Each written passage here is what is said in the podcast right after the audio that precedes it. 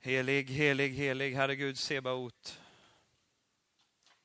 Tackar dig för att vi får vara här just nu. Vi upphöjer dig, du den helige, den levande, du den sanne, den evige. Tackar dig för denna stund där vi får vara inför ditt ansikte. Vi tackar dig för att den himmelska världen är närvarande här just nu. Vi tackar dig för lovsången inför din tron.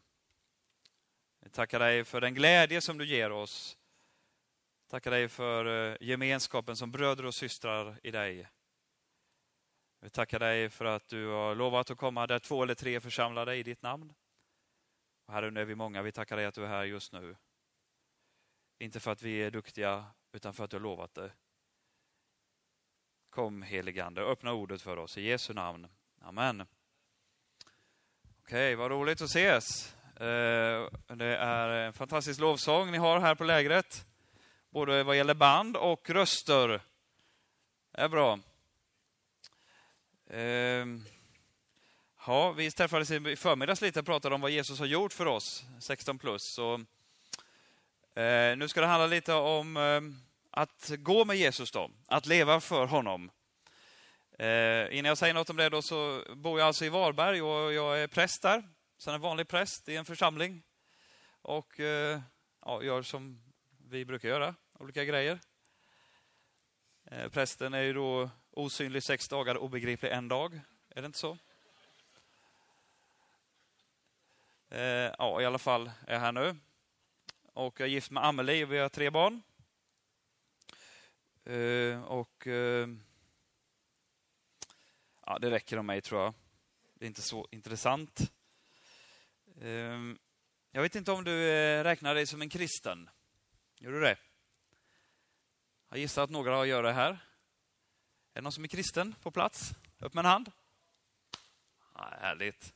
Det är faktiskt lättare att bekänna det här än eh, när man är i skolan en novembermorgon och alla tycker man är dum. Eh, men det är väldigt gott och det är faktiskt rätt så viktigt att vi ibland säger det till oss själva, men jag är kristen. Eh, jag är döpt och jag tror på Jesus som min Herre och Frälsare. Så jag är en kristen och jag har bestämt mig för det. Och jag har bestämt mig för att följa honom i mitt liv. Gå efter honom, ta rygg på Jesus. Därför måste jag se honom och lära känna honom allt bättre och så vidare. Eh, jag vet inte om du har en sån där tillfälle då du blev en kristen, där du bestämde dig. Eh, för många är det ju en process. Man kanske är uppvuxen i ett kristet hem och så småningom förstår man att ja, men det, här, det här är också en verklighet för mig. Jag vill vara en, en kristen och så förstår man att man är det. Eh, för några andra så är det en blixt från en klar himmel. Eh, man vet dagen i almanackan och andra lite mm, mer mittemellan. Jag har en sån där dag där jag vet att jag böjde knä inför Gud och la mitt liv i hans hand och samtidigt hade det varit en process och så. Va? Men från den, när du väl har blivit en kristen så börjar en process i ditt liv. Och det är den vi ska tala om ikväll. Det är en process där Gud vill att du ska bli allt mer lik honom. Det står i Filipperbrevet, arbeta på er frälsning. Det låter jättekonstigt kan du tycka, för är jag inte frälst då? Var det inte färdigt? Jesus sa ju det fullbordat på korset, kommer du ihåg det? Eller har du hört det menar jag? Det är fullbordat. Då är allt klart. Och Samtidigt ska vi arbeta på vår frälsning. Vad innebär det då? Jo, frälsningen innebär inte bara, citationstecken, att jag får mina synder förlåta och försonad med Gud. Det innebär också att hela min varelse, ande, kropp och själ ska bli eh, ska bli gudomlig jord. Den ortodoxa kyrkan använder det ordet och det är faktiskt ett väldigt bra ord och hjälper oss att förstå vad Paulus menar. Arbeta på er frälsning. Vi ska bli allt mer och mer lika honom. Och en gång ska vi se honom som han är. Det betyder inte att vi ska bli Gud, smågudar. Det är inte det det handlar om. Men vi ska bli lika honom. Är du med? Och då finns ett ord för detta i det kristna livet. När vi då ska bli allt mer och mer lika honom. Och det är ordet helgelse. Jag vet inte om du har hört det ordet någon gång? Ordet helgelse. Det är inte superpopulärt idag att prata om helgelse. Men det är faktiskt väldigt viktigt. Ska vi titta på vad det står i Bibeln? Eh, vi får slå upp eh, Hebreerbrevet. Det är långt bak i Nya Testamentet.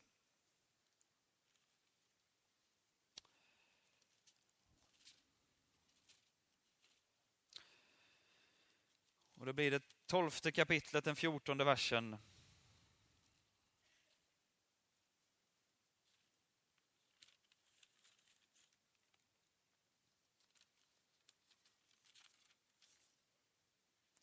Då står det i Hebreerbrevet 12 och 14. Sträva efter frid med alla och efter helgelse. Där har vi till och med ordet. Ty utan helgelse kommer ingen att se Herren. Helgelse är alltså inte till för den som vill vara lite sådär extra kristen och ja, lägga tid på det och kanske till och med jobba i kyrkan och få betalt och allt sånt. Eh, att helgas, att leva i helgelse gäller alla kristna. För utan helgelse kan ingen se Herren. Ordagrant i grekiskan betyder det alltså att eh, den som inte ivrar, kämpar efter helgelse i sitt liv kommer, eh, kommer inte att kunna ha en nära gemenskap med Herren. Man kommer eh, kanske kunna tro och, och, och sådär, givetvis, men, men det blir inte den nära gemenskapen med Herren, för det kommer vara en barriär emellan. Det handlar ju om att vi inte har, då i sådana fall har lämnat hela vårt liv till honom. Det står väldigt tydligt i den här versen, mina vänner. Ty utan helgelse kommer ingen att se Herren. Se Herren betyder alltså en nära, eh, förtroendefull gemenskap med Gud själv. Så det där med helgelse är väldigt, väldigt avgörande och viktigt för en kristen. Ehm, och då kan man tänka sig, eller fråga sig så här, hur ska man göra då? då? Vad, finns det någon hjälp att få om jag nu vill vara en kristen, en, en helgad kristen? Ni vet, det finns ju de som... Eh, I katolska kyrkan talar man mycket om helgon. Jag tror att det är en missuppfattning när vi säger att de ber till helgon. Det finns, det finns säkert missbruk ibland, men ofta så tänker ju de att man ber helgon om förbön. Men man ber till Jesus. I vilket fall, det kan vi lämna det där. Men grejen är att de har ju, de har ju personer då som de tänker har levt ett speciellt helgat liv. Men om du tänker efter så vet du säkert också kristna i din omgivning, antingen som lever eller som är hemma hos Gud, som har levt eller lever ett helgat liv. Om man kunde se på dem, eller ser på dem, att de lever nära Jesus. Och då menar jag inte det där fåniga att det glittrar i ögonen och sånt, Eh, utan att det verkligen märks i hur man lever, hur man är mot andra. Vi hade en stor ärkebiskop i början på 1900-talet i Svenska kyrkan som hette Nathan Söderblom. Han sa så här, eh, helgonen det är människor som med sina liv visar att Gud lever. Alltså det är människor, när man ser på dem så kan man inte ta miste på, det måste finnas en Gud. Var får de annars sin kraft ifrån? Var får de annars sin ande ifrån? Är du med? Så kan det vara. Så eh, längtar du efter helgelse i ditt liv, längtar du efter att bli mer lik Jesus, så finns det några saker som jag vill dela med mig av ikväll som kan vara till hjälp. Hur kan jag bli en helgad människa? Det är rätt så bra att bestämma sig för det. För när du ska bli en helgad människa så, så handlar det om att du faktiskt eh, blir annorlunda. Blir annorlunda än andra människor. Eh, och, eh, och du kan gå med mig till, eh, till Andra Mosebok. Förlåt, tredje Mosebok är det. Eh, så ska vi se vad Herren säger till Israel. Tredje Mosebok 2026.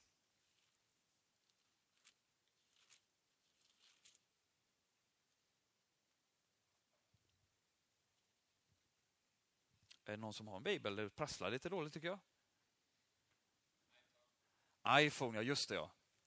Det har jag ju själv ibland, det stämmer ju, det kan man ha. Ehm, tredje Mosebok 2026. Ni ska vara heliga inför mig, ty jag, Herren, är helig. Det får vi motivationen. Och jag har avskilt er från, från andra folk för att ni ska tillhöra mig avskilt er från andra folk. Det betyder ordagrant i hebreiskan eh, eh, kara, alltså att man skär. Gud har skurit bort det judiska folket ur andra folk för att de ska vara annorlunda bland alla andra folk. Det är deras uppgift och då kan man ju åka till Israel och se på judiska folket att de ser väldigt annorlunda ut. I alla fall de som eh, praktiserar sin tro. eh, med kippa och, och tofsar och fira sabbat och sådär. Eh, syns ju väldigt tydligt i det judiska samhället, det, det som lever eh, religiöst då, om man säger så. Eh, det syns att de är annorlunda och det är det som är hela poängen. Man kan inte åka till Israel och titta på judarna och säga oj, oj, oj, vad, hem, vad jobbigt för dem att de måste följa allt det där. De gör bara som Gud säger i våran bibel, för att de ska vara annorlunda och kommer så vara för att de är ett utvalt folk inför Gud till evig tid. Gud tar inte tillbaka sina gåvor och sin kallelse. Okay? Väldigt tydligt i Bibeln på det. Men nu kan vi ändå koppla den versen till oss. Vi är också avskilda som ett folk inför Gud. Kyrkan, de kristna på hela jorden. Och ordet kyrka på grekiska, det är ekklesia. Ekklesia, och det är de första bokstäverna, ek, ek. Det är en grekisk preposition som betyder ur. Så ur, vi är kallade ut ur mänsklighetens folkhav. Vi som är kristna, vi kallade ut ur det vanliga för att vara annorlunda. Så om du lever som kristen och märker att du är lite annorlunda ibland så är det helt i sin ordning. Det är till och med så det var tänkt att vara. Vi ska vara annorlunda. Det betyder inte att vi ska vara märkliga. En, del kan ju uppfatta det så, då får det vara fine. Men eh, det, vi ska ju inte söka någon slags uddaskap, eh, ha gula toppluvor hela dagen och sånt. Eh, alltså, att man sök, då blir det sökt. Ett dåligt exempel, men ehm, vi ska vara som vi är. Och en del tänker att jag, jag vill inte vara en kristen och jag vill inte satsa 100% på Jesus, för jag vill inte vara som honom. Eller bli som hon. Jag, jag är inte sån. Men det är fel. När du blir kristen så ska du vara med dig själv. Det som Gud har tänkt att du ska bli. Så du, du kan släppa det. Du behöver inte vara som någon annan.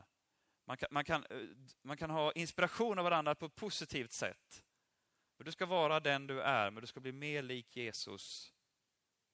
Och eftersom vi alla ska bli mer lika Jesus kan det hända att vi får lite liknande värderingar, värderingar och tänker lite likadant ibland. Eftersom alla blir närmare sig Jesus. Är du med?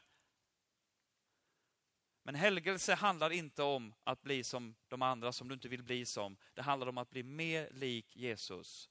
Du är avskild bland andra människor. Som kyrka är vi avskilda från andra folk. Och då är det så, den första punkten, hur ska vi kunna leva i helgelse? Hur ska vi kunna bli heliga, helgade? I grunden är det så att du är helig. Har du läst Nya Testamentet? Har du läst Paulus? Alla som har läst något av Paulus brev, upp med en hand. Det var många. Han skriver ofta när han startar sitt brev till de heliga i Kolosse till exempel. Till de heliga i Bromölla finns inte, men det kunde det stått. Eh, och då står det Hagios, Hagios, det är det grekiska ordet för heliga. De är alltså heliga redan. Ja, då kan ju du gå och sätta dig Martin, för då var det klart. I tron på Jesus och i ditt dop, när du tagit emot försoningen i ditt liv, då är du helig inför Gud. Du har den vita klädnaden. Jesus och du har bytt liv. Det där har du hört va?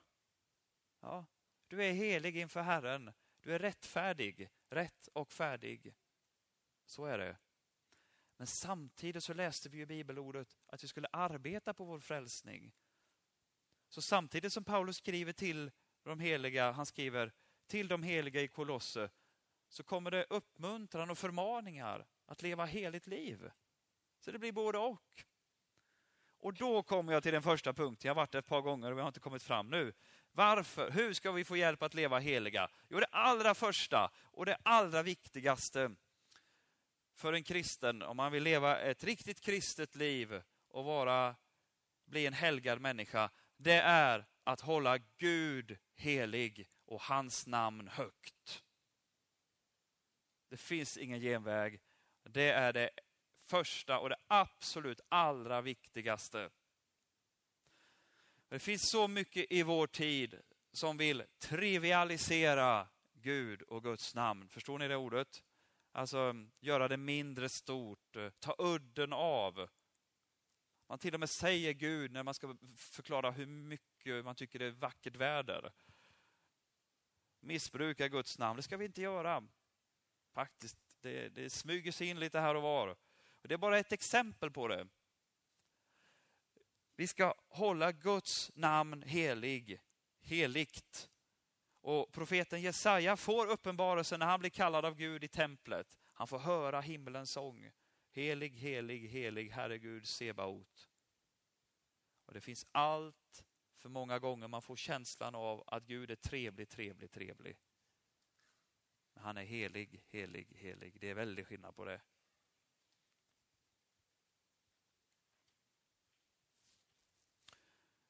Det finns ett par tillfällen i Bibeln, ja faktiskt flera, där människor kommer nära Gud. Så nära att de tror de ska dö. Profeten Jesaja är en. Han säger, ve mig, jag förgås. Det betyder ungefär, jag dör. Han tror han ska dö, för han kommer så nära Gud. Aposteln Johannes i Uppenbarelseboken han får se Jesus i himlens härlighet och han faller ner som död, står det.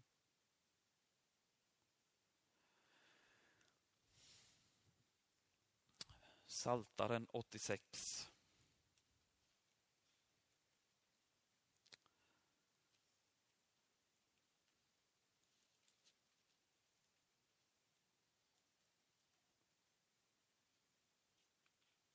Mm. Då står det så här i Psaltaren 86, vers 11. Visa mig, Herre, din väg. Jag vill vandra i din sanning. Bevara mitt hjärta vid detta enda, att jag fruktar ditt namn. Bevara mitt hjärta vid detta enda, att jag fruktar ditt namn. Vi ska lära oss att frukta Guds namn. Betyder det att vi ska vara rädda för Gud? Att frukta Gud, betyder det att vi ska vara rädda? Nej, det betyder det absolut inte. Vi ska inte vara rädda för Gud. Men det ligger väldigt nära. Men det går inte att vara rädd för Gud eftersom Gud är kärlek och han är vår himmelske far. Så jag tror det bästa sättet att förklara att frukta Gud, det är det här. Om, man, om du om du lär känna Gud och hans kärlek i Jesus Kristus så kommer du nära honom. Du vill vara nära honom. Han är så god. Han är din far och tar hand om dig. Och du, du förstår hur mycket han älskar dig och du vill komma nära honom. Och då, när du kommer nära Gud, i bön, lovsång eller nattvard eller vad det än är, så förstår du hur liten du är och hur stor Gud är. Du förstår hur ren Gud är och hur mycket synd du har i ditt eget liv. Och det hebreiska ordet just betyder just detta. Eh, jare betyder det, eller är det ordagrant i hebreiskan? Jare. Och det betyder att komma nära en större storhet än sig själv och uppleva sin egen lik, litenhet och skaka. Det är vad det betyder, trembling på engelska. Jag kommer nära något som är större än mig själv och jag förstår att det är Gud och jag skakar. Skräckblandad förtjusning, fascination, vad du vill. Det är vad det betyder att frukta Herren. Och då står det i texten att bevara mitt hjärta vid detta enda. Hjärtat i Bibeln, lavev, här är det då hjärt, hebreiska ordet för hjärta som betyder den innersta varelsen, det som är det innersta du, din karaktär, till vilket din håg står, det som du tycker är viktigast i livet. Förstår du? Det som styr resten av dina tankar och handlingar. Det ska du bevara så att du fruktar Herren. Att du håller hans namn heligt och högt. Förstår du vad jag menar? Någon som gör det? Det är väldigt, väldigt väsentligt och helt, jag skulle säga det, det är helt grundläggande för, för ett kristet liv. Annars så faller det ganska platt till marken att Jesus behöver dö på korset till exempel. Om Gud bara är trevlig och lite betjänt och gör som jag vill eller ja, sådär. Gud är helig, vilken vi egentligen inte skulle kunna nalkas, men som älskar oss så och drar oss nära sig själv. Följ med mig till Psaltaren 25. Så finns det fantastisk, eh, fantastiskt steg två kan man säga på, på Herrens fruktan.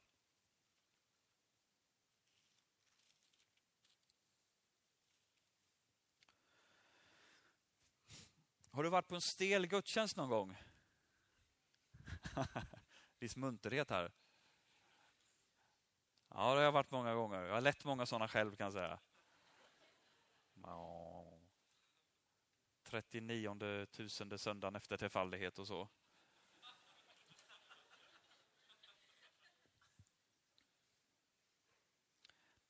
Jag skulle säga, det, är så långt, det är så långt ifrån gemenskap med Gud som man kan, som, som man kan komma när det blir stelt.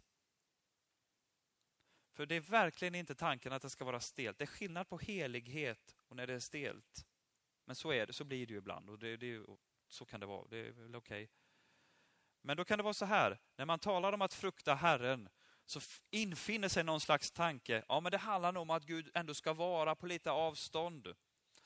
Eh, jag ska hålla mig på min plats lite grann. Det är faktiskt inte det det betyder. Vi ska hålla Gud helig, alltid. Hans namn ska äras och vördas. Men det är ju det som är kristen tro, att samtidigt så får vi vara nära honom, ända vid hans hjärta. Samtidigt, vi får inte ihop det kanske riktigt. Men det är så det är. För, titta nu i Saltaren 25, vers 14. Där det står om fruktan igen. Herren umgås förtroligt med dem som fruktar honom sitt förbund gör han känt för dem. Wow. Det står inte då att Herren håller sig på lite avstånd. Utan det står att han umgås förtroligt med dem som fruktar honom. Och det hebreiska ordet umgås förtroligt, det betyder, eh, jag tog det i mitt engelska lexikon här, confidential conversation. Konfidentiell konversation. Alltså, lite tystnadsplikt helt enkelt. Ja, Gud brukar ju inte skvallra. Men alltså att man, man upplever att det är en konversation, du är nära Gud. Han lyssnar på dig, han talar till dig. Faktiskt en intim gemenskap med Gud för den som fruktar honom. Och då, då springer det fram en karaktär i mitt liv och som Jesus säger i avskedstalet Johannes 17, om ni älskar mig kommer ni att hålla mina bud. Då kommer det inifrån för att du fruktar Herren. Ja, det var det första, att hålla Gud helig. Det är så man kan leva i helgelse. Och det andra hör väldigt mycket ihop med det. Vi får hjälp att leva ett heligt liv om vi står under Andens inflytande. Du vet att det, det, det är ett typiskt flummigt prästspråk, okay? Att stå under Andens inflytande. Men det är väldigt väsentligt. Jag ska försöka förklara det. Det, det handlar om att, precis som jag om, jag, om jag ställer mig bakom tunnan här nu. Det är olja i den förresten, vet ni det? Nu ser ni inte mig. Framförallt så nås jag inte av strålkastaren, för jag är här under. Men om jag ställer mig i ljuset, så låter jag mig belysas av strålkastaren. Eh, det är på samma sätt att eh, låta er uppfyllas av anden, att, att ställa sig i det sammanhang där jag vet att anden är nära och att anden talar. Och Det kan man göra på många, många olika sätt. Och Du hittar säkert dina kluriga grejer. Ta upp din iPhone i bussen och sådär. Det finns ju till och med tidigare än på app, har ni sett det? det är suveränt, alltså dagliga bönen och sånt. Eh, ja, idag finns ju alla möjligheter. Idag handlar det bara om att begränsa sig och välja vad man ska ta in för information. Men att stå under Andens inflytande. Och då återkommer vi ändå till Bibeln och Guds ord. Eh, jag eh, är från Småland från början. Har vi några smålänningar här? Härligt. Det var inte så många faktiskt i och för sig. Eh, det var lite synd. Men det får gå. Vi håller ihop ikväll. Varför sa jag det nu då? Det var något. Vad var jag på innan?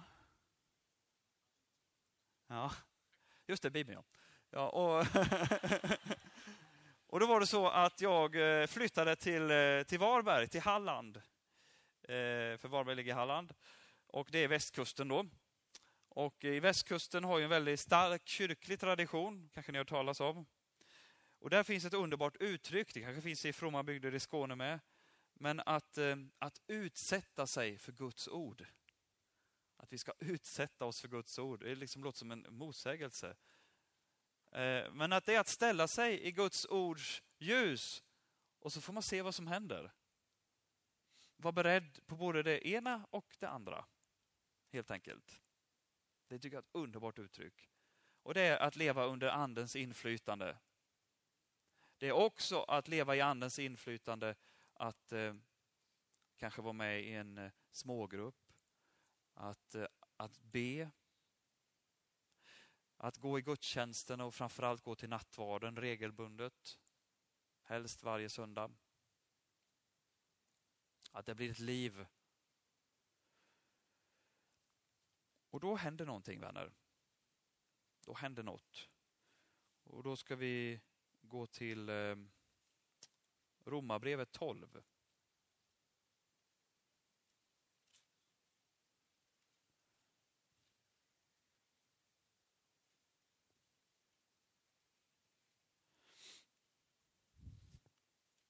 Nu får vi en förmaning av Paulus. Det är väl alltid trevligt. Ehm, förmaningen. Romarbrevet 12 och 1. Så förmanar jag nu er bröder vid Guds barmhärtighet att frambära era kroppar som ett levande och heligt offer som behagar Gud, er andliga gudstjänst och anpassa er inte efter den här världen, utan låt er förvandlas genom sinnets förnyelse så att ni kan pröva vad som är Guds vilja, det som är gott och fullkomligt och som behagar honom. För det första i vers 1 i sammanhanget så är det så fantastiskt att Paulus använder frambär era kroppar. Frambär er själva, står det nog i en översättning. Men ordagrant så är det faktiskt kroppar, det står det i den grekiska texten. Och ibland så skiljer vi så mycket på ande och, och, och kropp och själ. Det ska vi inte göra, för vi, vi hålls ihop. Vi är ande, kropp och själ, vi är en enhet. Och ibland tänker du, tänker du kanske så här, för jag tänker så, jag tror att många tänker så faktiskt, att man kommer till kyrkan och man vet inte vad man ska be om.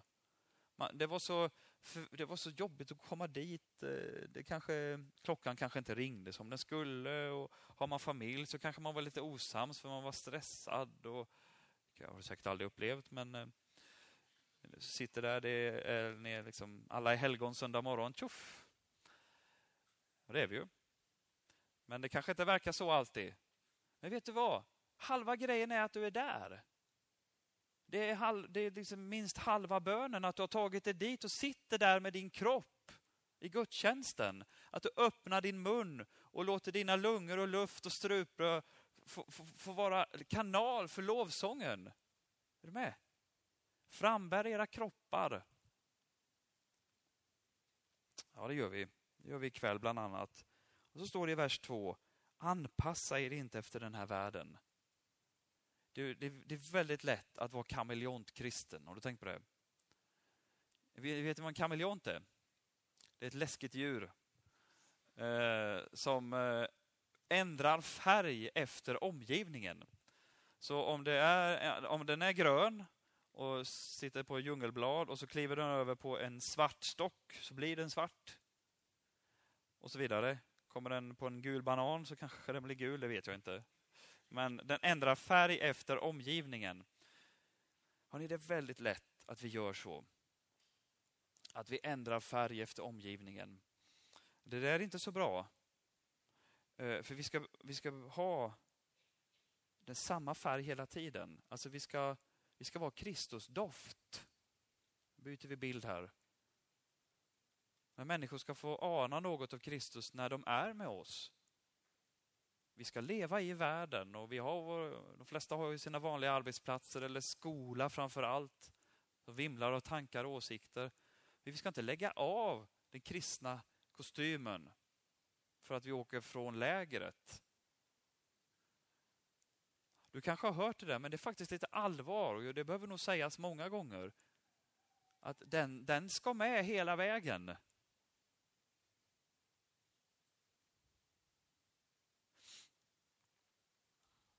Men det finns evangelium i den här versen också. Det står fortsättningen. Och anpassa er inte efter den här världen, utan låt er förvandlas. Jag får det här till passivum enligt grammatiken. Passiv alltså. Eller hur? I, den, i, I grundtexten är det också passiv. Alltså att det är någonting man är med om, någonting som händer med en själv. Och det är det, det som är att stå under Andens inflytande. Att den goda karaktären, det goda kristna livet, det växer fram på dig när du lever nära honom. När du frambär dig själv, din kropp, er andliga gudstjänst. Då förvandlas du. Förstår du vad jag menar? Du behöver alltså inte lyssna på detta och tänka att du ska ta dig i kragen återigen, du ska skärpa mig och jag ska bli så jätteduktig. Utan lev nära Herren. Och det kanske finns områden i ditt liv där du måste bryta konkret. Jajamän, då har vi säkert flera områden, var och en av oss. Och du kanske speciellt sitter här som blir extra påminn om det just nu. Jag måste bryta. Visst, och då är det anden som säger det till dig, så ta det till dig. Men i allmänhet så är det någonting som sker med oss. Det är samma sak med andens frukt i Galaterbrevet 5. Jag tror inte vi hinner slå upp det nu. Men Galaterbrevet 5 handlar om andens frukt. Och då ska vi inte blanda ihop andens gåvor med andens frukter. Andens gåvor eh, nämndes eh, här i början lite. Malin nämnde om pro den profetiska gåvan till exempel. Eh, och vi har helandets nådegåva. Och det finns mängder av gåvor som är till, som Gud ger till oss, som vi ska tjäna varandra med i församlingen. Och alla gåvor är till för varandra förutom tungotalet som oftast är till för oss själva. Det var kortkursen i nådegåvorna. Eh, men så har vi då andens frukt som är något annat. Andens frukt handlar om karaktär. Och du kan ha en stark nådegåva, fast karaktären är lite oslipad. Så kan det faktiskt vara. Man är stark i en gåva, men man behöver slipas i karaktären. Så andens frukt är något som växer ut på den som lever nära Jesus. Och andens frukt är kärlek, glädje, frid, tålamod, självbehärskning och så vidare i Galaterbrevet 5. Andens frukt. Har du sett ett träd som äter sin egen frukt? Det finns inte va? Utan frukten är till för andra som råkar passera. Så när andens frukt växer ut på dig, min vän, kärlek, glädje, frid, tålamod, självbehärskning, då får andra del av det. Och på det sättet märker de att du lever nära Jesus. Okej, okay. det var det andra. Hur kan jag bli en helgad människa? Att stå under andens inflytande. Låt er förvandlas. Passivum. Orkar du med lite till? Den, and, den tredje punkten som hjälper oss att leva ett helgat liv. Det är att kom ihåg min vän att en dag så kommer Jesus tillbaka. Och då ska vi stå till svars för våra liv. Hur levde vi livet? Hur förvaltade vi pundet eller talenten, apropå texten på söndag? Alla människor kommer få ett personligt möte med Jesus. Ansikte mot ansikte står det i Filipperbrevet. Hur lever du ditt liv? Är du beredd att möta honom när han helst kommer? Det där har ju ibland använts som lite skrämsel och sådär. Det är jag inte alls ute efter. Jag är ute efter att vi ska leva ett helgat liv. Och Jesus vill hjälpa oss med det. Men vi ska komma ihåg att en dag så är liksom tiden över då vi har möjligheten till detta. En dag kommer han tillbaks. Vi läser andra Petrusbrevet, ett litet brev i slutet av Nya Testamentet. Det var för övrigt ett av de sista, om jag inte minns fel, kanske till och med det allra sista brev i Uppenbarelseboken som blev så att säga godkänt av kyrkan som ett äkta andeinspirerat brev. Andra Petrusbrevets tredje kapitel, vers 10 och 12.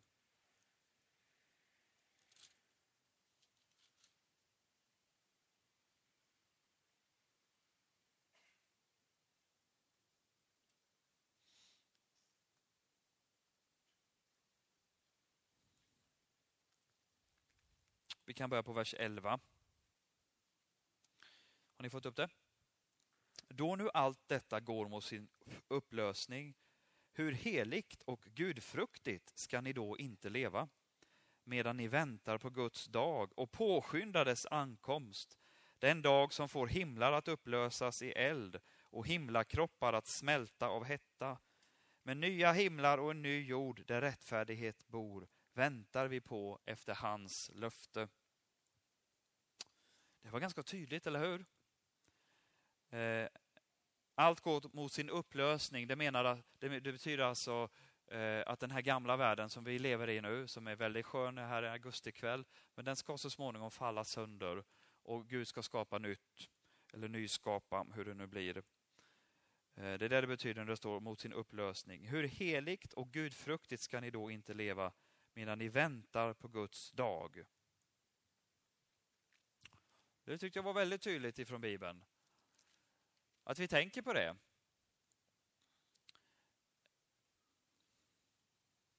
Hur lever jag mitt liv? Vad gör jag för prioriteringar? Vad är viktigt för mig? Och vad tänker jag? Vad säger jag? Och så vidare.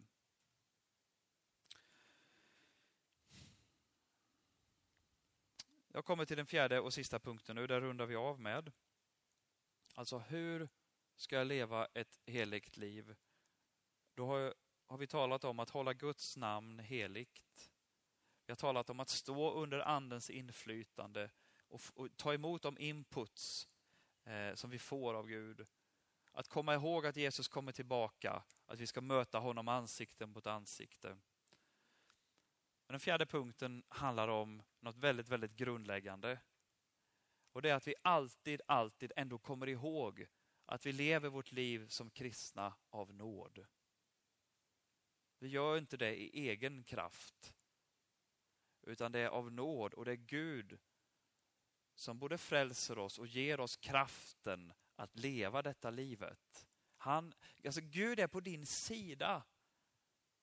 Det är inte, Gud står inte som, eh, som någon sträng figur i något hörn och bara väntar på att du ska komma fram och visa att du har lyckats.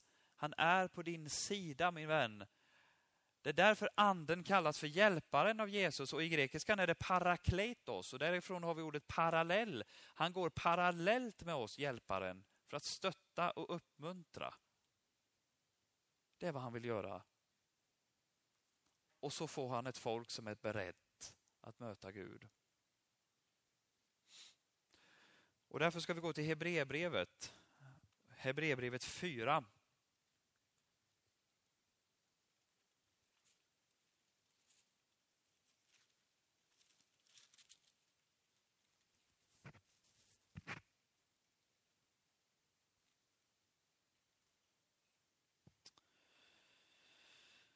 Står så här i Hebreerbrevet 4 och 15 och 16. Eh, vi kan ta vers 14 också förresten så får vi sammanhanget här. Då vi nu har en stor överste präst, Jesus, Guds son, som har stigit upp genom himlarna, så låt oss hålla fast vid vår bekännelse. Ty vi har inte en överste präst som ej kan ha medlidande med våra svagheter jag tror det står någonstans, som inte kan känna med oss. Samma sak. Utan en som blev frestad i allt, liksom vi, men utan synd. Låt oss därför frimodigt gå fram till nådens tron för att få barmhärtighet och finna nåd till hjälp i rätt tid. Så är det i det kristna livet. Gång på gång så får vi gå fram till nådens tron det var så underbar inledning. Det är det bästa som sagt ikväll av Malin som var mötes, är mötesledare. Att vi är bröder och systrar i behovet av Jesus och hans försoning. Ungefär så var det. Visst var det bra? Vi är, där är vi bröder och systrar och vi har det behovet allesammans. Och därför så får vi när som helst gå fram till nådens tron, alltså ända fram till Gud.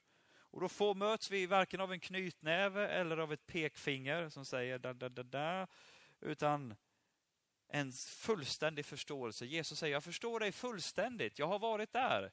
Jag, var, jag blev människa som du. Jag förstår varför det blev som det blev, men nu går vi hit så får, vi, får du lägga av din synd. Gång på gång på gång.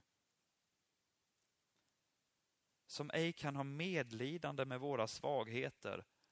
Och det där kan du tänka på, det är för det är en enorm uppmuntran för oss att leva i helgelse. Det är inte någonting som ska slå ner oss och tänka, men det är kört. Utan tvärtom, det sporrar oss. Att ta oss an den här utmaningen att leva ett heligt liv. Och vet du, det finns områden i ditt liv som du tillsammans med den helige Ande kan arbeta med och segra över. Du behöver inte vara fången i all synd i hela ditt liv. Vi kommer alltid vara syndare. Det kommer alltid vara saker som vi behöver bekänna varenda dag, framförallt vår bortvändhet ifrån Gud. Men det finns områden i ditt liv som du kan komma över och som du kan lämna och säga till Herren efter några år, tack Herre för att jag, jag kunde gå vidare och leva på ett nytt sätt. Och inte för, framförallt för att jag var så duktig, utan för att du är nådefull och ger mig den kraft jag behöver. Och Det är så underbart eh, när det står i Bibeln om att ehm, um, vad, vad, är det som väntar på de heliga, de som har kämpat trons goda kamp? Vad är det som väntar på dem när de kommer fram? Paulus till exempel, när han skriver sitt sista brev, han vet att han ska dö, så eh, vad, vad är det han berömmer sig över? Det är inte att han har grundat sig och så många församlingar eller haft sig och så många konfirmander eller vad det nu är. Det är inte det som är viktigt för Paulus. Vad är det som är viktigt för Paulus? Jag har bevarat tron. Jag har kämpat trons goda kamp. Jag gjorde det jag kunde. Och vad är det då som händer med Paulus och de andra heliga? Jo, det är att de får rättfärdighetens segerkrans, eller segerkrona som det står någonstans. Den får de. Är du med? För att de har kämpat väl. Men vad är det som händer i Uppenbarelseboken? Jo, det står om de äldste att de tar sina kronor och så lämnar de tillbaka dem. Varför då? då? Jo, för det finns ingen prövning, det finns ingen kamp där seger har vunnits utan att det har varit på grund av Guds nåd. Varenda seger du vinner i Andens rike och i kampen för Guds rike så är det Guds nåd som gör det genom dig. Men det bygger på att du är öppen. Det bygger på att du håller Guds namn heligt. Där ska jag sluta nu.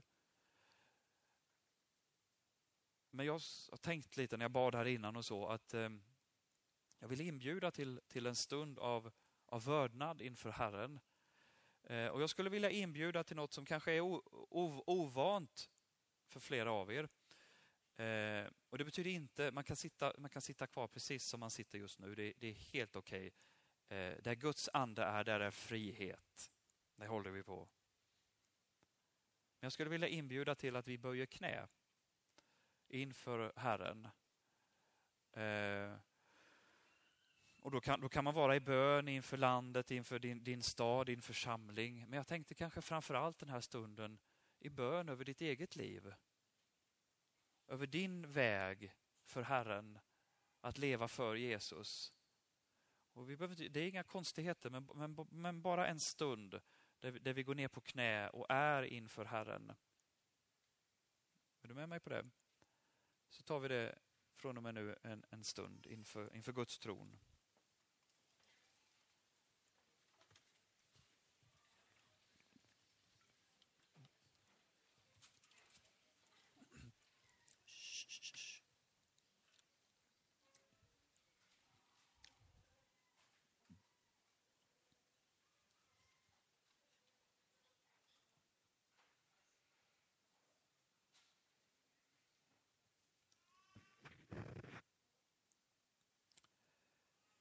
Så kommer vi inför dig, helige Herre Gud, Helige starke Gud, helige barmhärtige frälsare, du evige Gud.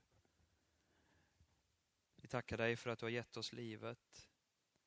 Vi tackar dig för att du har gett oss Jesus Kristus, din son, att du har frälst oss och räddat oss.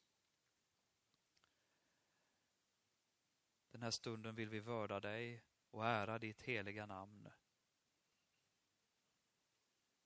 Vi förstår inte så mycket av ditt majestät och din härlighet. Men vi vill hålla dig helig. Och vi vill ha hjälp att frukta dig i våra hjärtan. Hålla ditt namn högt.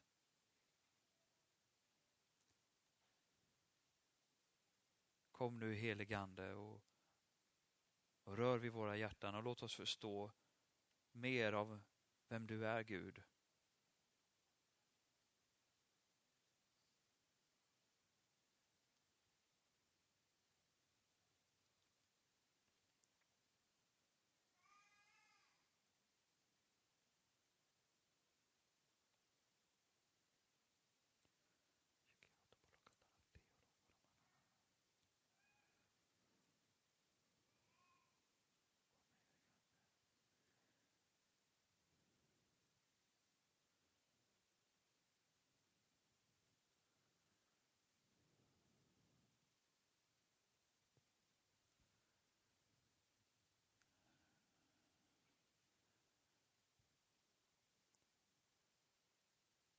Tack Herre för att detta är en helig plats. Tack att Andens boning finns här just nu. Nu vill jag be dig för alla mina vänner och bröder och systrar här i, i dig. Att du kommer till dem var och en Gud. Fyll på Herre med din heliga Andes kraft. Du ser eh, vad det finns behov av, av läkedom och helande. Du ser vad det finns behov av försoning och upprättelse. Ge oss en ny vision av din härlighet. Över vårt land, över vår församling och vårt sammanhang. Men nu ber vi för oss själva, Herre. Hjälp oss. Dra oss nära dig med din Andes kraft.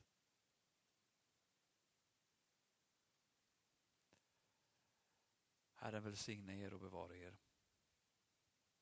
Herren låter sitt ansikte lysa över er och vara er nådig. Herren vände sitt ansikte till er och give er frid. I Faderns och Sonens och den helige Andes namn.